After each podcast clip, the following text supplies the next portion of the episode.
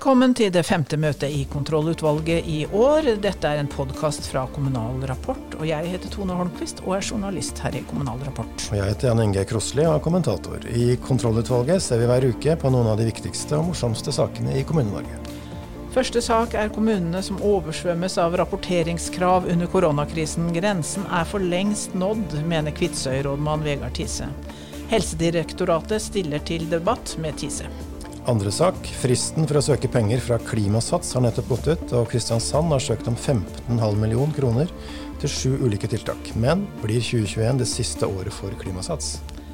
Vår faste ungdomsgjest Daniel Aluku, leder i Viken ungdomsråd, vil snakke om ungdom som faller utenfor i dag. Det står også på dagsorden på KS sitt kommunalpolitiske toppmøte neste uke.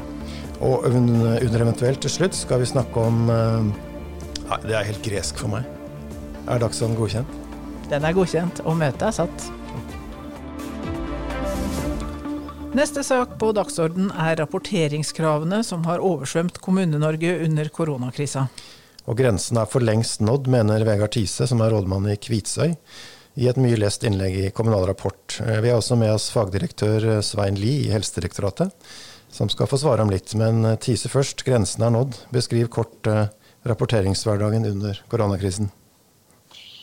Rapporteringshverdagen eh, under koronakrisen er jo at eh, vi sender ukentlig rapportering til, til statsforvalteren. og I tillegg så rapporteres det ukentlig på, på smittevernutstyr osv. Eh, Kvitsøy kommune er landets minste kommune i areal og den syvende minste kommunen i folketall. og Det sier seg jo selv at det å skulle rapportere på at ingenting har endret seg, eh, selv om det da er det du skal rapportere, det medfører arbeid. Og så kommer det stadig vekk tilleggsrapporteringer som gjør at eh, det blir helgearbeid på både meg og mine ledere. Og veldig korte frister, skriver du i innlegget ditt. Det er veldig korte frister, og det er jo noe av det som har vært noen eh, gjennomgangstonen i hele, i hele pandemien. Det er at fristene har vært eh, altfor korte for, for kommunene. Sånn at uh, Allerede i mai så ga vi beskjed om at nå trenger vi at ting blir lagt inn i normale rutiner. og At vi får tid til å gjennomføre det, så vi slipper kvelds- og helgearbeid. Det føler vi ikke helt at vi har nådd gjennom. Hva er det mest unyttige dere har blitt bedt om å rapportere om? det mest unyttige å rapportere på? Nei, altså Nå har vi en situasjon hvor vi har smittevernutstyr for en 14-15 måneders drift uten ekstra nye forsyninger. Og da ukentlig skulle rapportere at det er OK, må jo for mine ansatte oppleves som ganske unødvendig. Men det høres ikke ut som det tar så lang tid å si OK, da?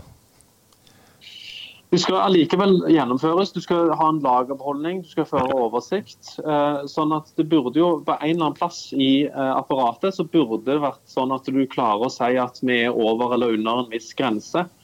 Eh, folk tar jobben sin seriøst, og det må man være klar over når man fra statsforvaltningen ber om en rapport. Så går folk inn i den jobben for å sørge for at vi gjør det skikkelig. Mm.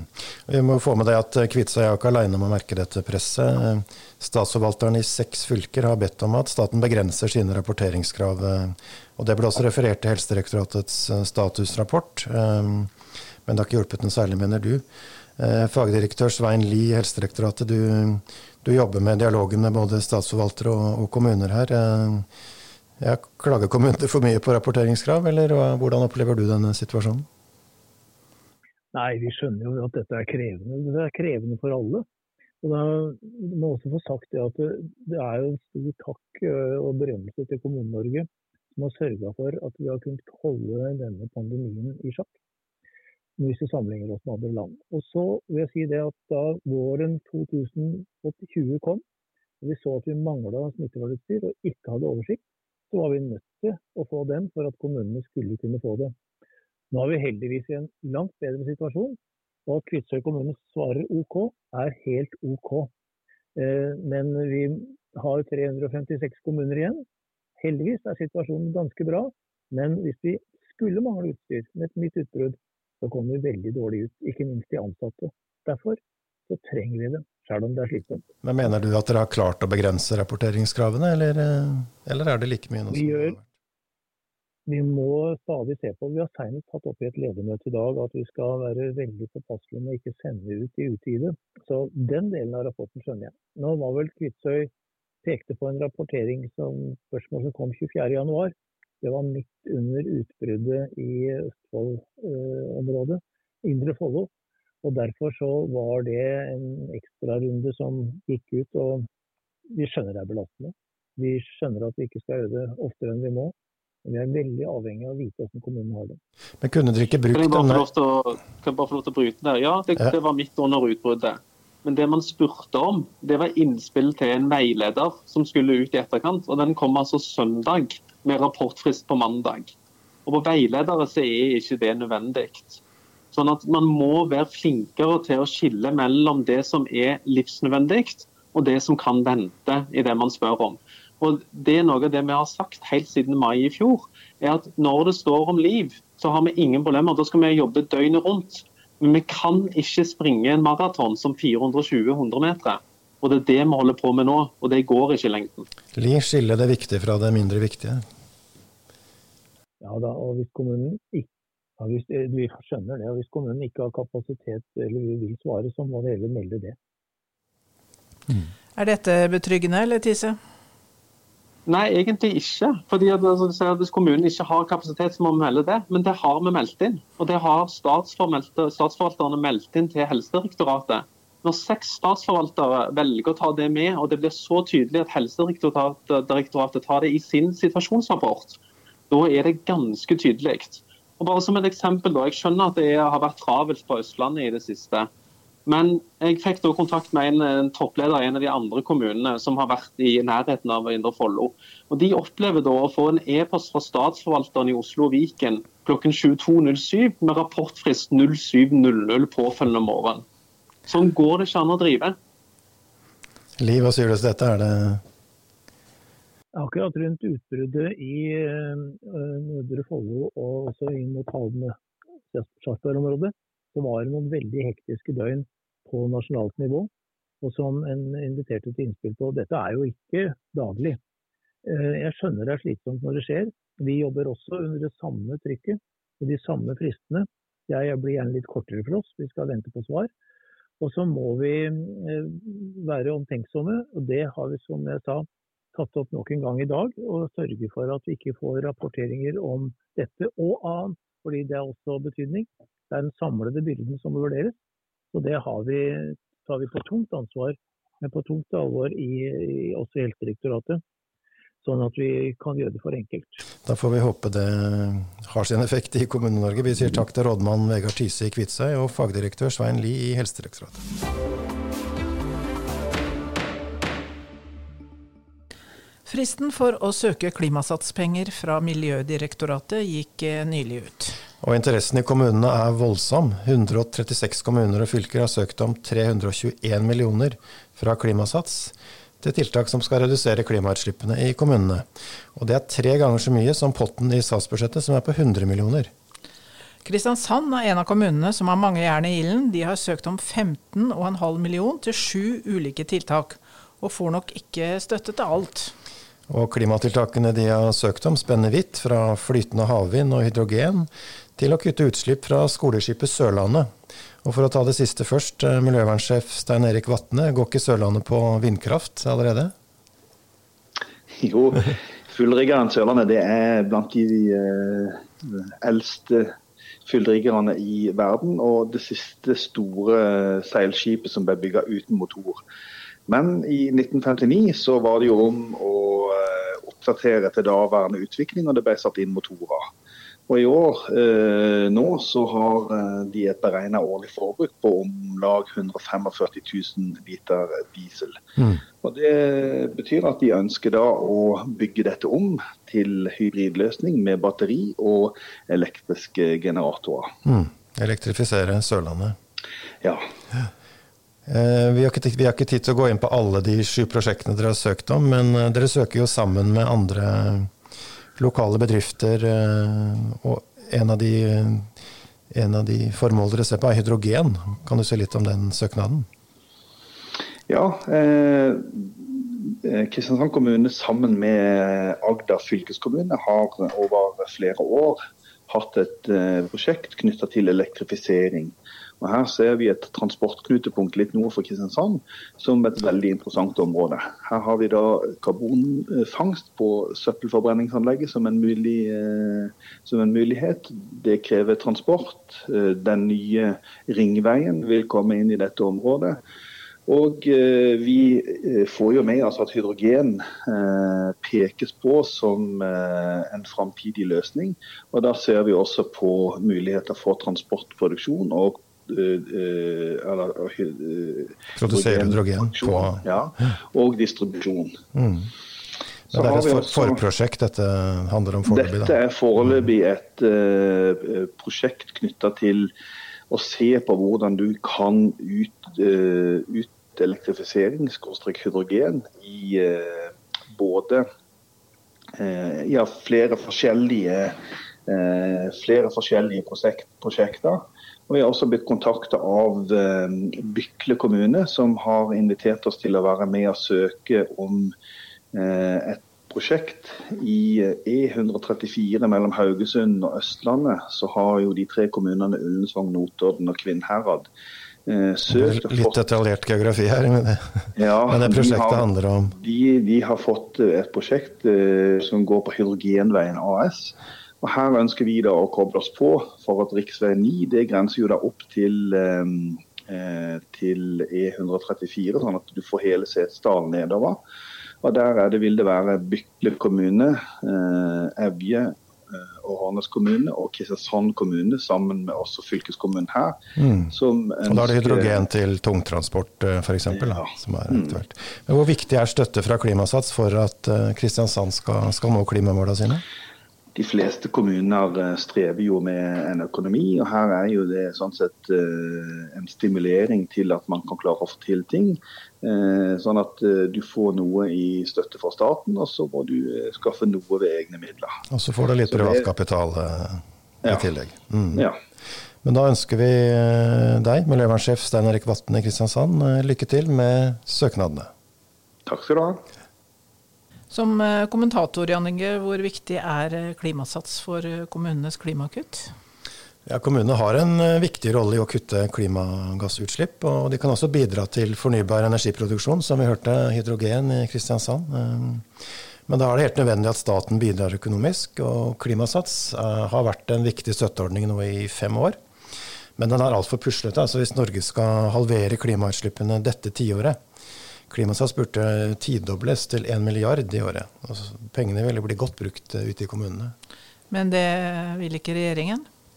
Nei, i klimameldingen som nettopp kom, så sier ikke regjeringen ingenting om at Klimasats eller en lignende ordning skal fortsette. Um, og det burde Stortinget gjøre noe med når meldingen kommer, eh, kommer dit.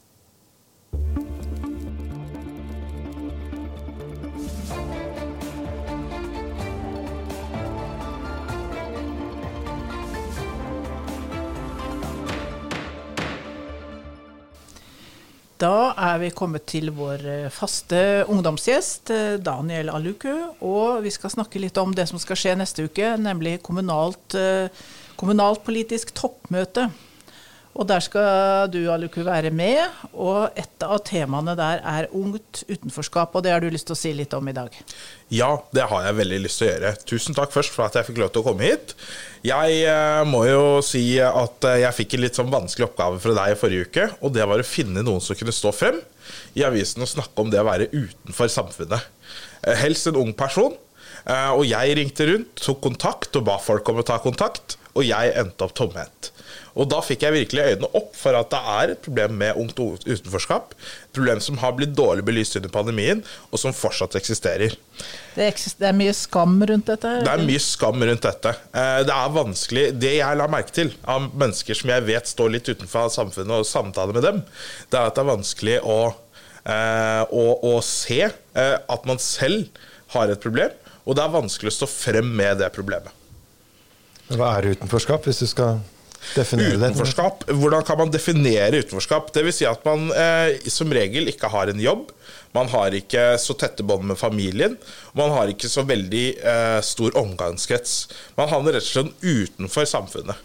Og ikke studieplass heller, kanskje? Jo, ikke studieplass heller. Og da er det jo sånn at Jeg har noen tall her. Det er jo to, 290 000 barn som har vokst opp i familier der hvor foreldrene enten lider av psykiske problemer eller eh, for høyt alkoholinntak, som fører til at de sliter i hverdagen, og som selvfølgelig også påvirker eh, barna. Men det er også 80 000 barn som lever i lavinntektsfamilier. Dvs. Si barn som lever i familier der man ikke har råd til å putte alt på bordet, sende folk til trening. Alle disse vanlige problemene vi har diskutert i pandemien. For dem er de ikke-eksisterende, for det er problemer de uansett ikke har hatt råd til å ha. Ja. Eh, og så tenker jeg, Det er jo et stort problem som ikke har blitt lyst. og Det tenker jeg at man må sette på agendaen. Og hvor begynner dette? Dette begynner jo når man er barn med utfordringer i familien, og så fortsetter de å ta opp en. Eh, og så eh, kommer en av utfordringene fra KS på denne konferansen. Hvordan kan kommunene ta tak i dette? Hvordan kan fylkeskommunene ta tak i dette? Mitt svar er at du begynner med det enkelte barnet, med den enkelte personen rundt barnet. For eksempel, jeg hadde en lærer i norsk som hele klassen klagde på. Det endte med at hun eh, fikk sparken. Eh, og ble nødt til å dra. Hun hadde ikke en god påvirkning på elevene, fanget ikke opp de som slet. Eh, da jeg hadde skolevalgkamp to år senere, fant jeg henne på en annen skole i samme fylke. Det er en svikt i systemet. Og det tror jeg kommer av at man har for få lærere. Så skole blir bare nødt til å ansette dårlige lærere, og det fører igjen til at elevene lider. Og det er jo et samfunnsproblem. Eh, og andre politiske grunner som føres til at man ikke har lærere. Så det er et holistisk problem som gjennomsyrer hele samfunnet. Nå får vi Lærerforbundet på nakken. Med dårlige lærere og sånn. ja, jeg er litt redd for å få lærere på nakken der, det skjønner jeg jo. Men det er faktisk et problem som også på en måte ikke er bare lærernes skyld, men også egentlig samfunnet og hvordan vi har lagt opp på. Eh, fordi man, eh, Det underliggende problemet er jo utenforskap, men så kan man se at et annet problem, det at man har for få lærere, påvirker det. Men det snakkes om tidlig innsats, er liksom mantraet her, at man må sette inn Tidlig det har man jo gjort, det har man jo prøvd i hvert fall lenge. Det, men men det, det, det henger jo sammen med mange andre ting òg, som du peker på. altså Familieforhold. eh, Ja, og det, Jeg så på en liten sånn presentasjon som hadde blitt presentert i eh, KS her. og Da er det rus, fattigdom, ensomhet, fysiske, psykiske helseproblemer, manglende integrering, arbeidsledighet, mobbing. Det er mange grunner som spiller inn. Og så er det jo alle disse forskjellige problemene har forskjellige eh, problemer knyttet til dem, f.eks. rus. Nå kommer det en ny lov om eh, hvordan man skal behandle rusmisbrukere. Det er et eget problem. Fattigdom er et annet problem. Så hele samfunnet på en måte spiller inn på dette med utenforskap. Og Derfor må hele samfunnet komme rundt den, den personen. Og jeg tror I kommuner så er det viktig å huske at man ikke bare er tjenestetilbydere, man er også ansvarlig for innbyggere. Folk. Mennesker. Nettopp. Da skal vi avslutte der, eh, Daniel, og så fortsetter denne diskusjonen på kommunalpolitisk toppmøte. Ja, og så vil jeg med en gang si at det er mange flotte lærere der ute. Det er bare de dårlige eplene i kurven jeg ber om at man ikke ansetter igjen.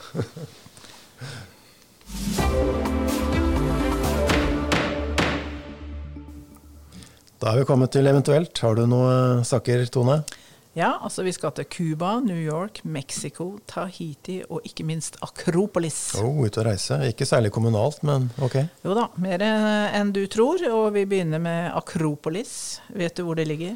Ja, det er dette tempelet i Aten. Ja, men det kan også hende at det blir et sted i Stavanger.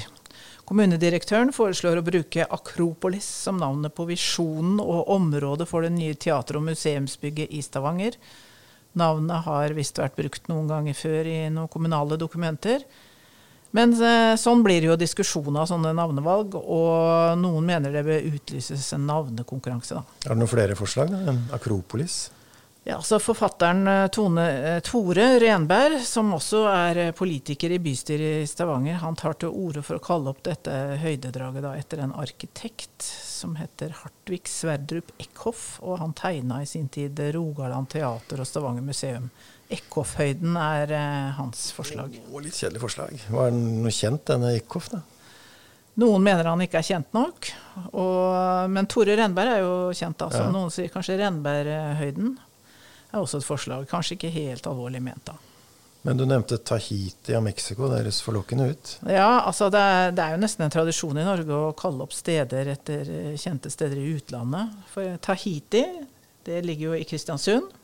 Det er et bryggeområde der som uh, fikk sitt navn i seilskutetida, visstnok, og fordi folk syntes det var litt sydlandsk der.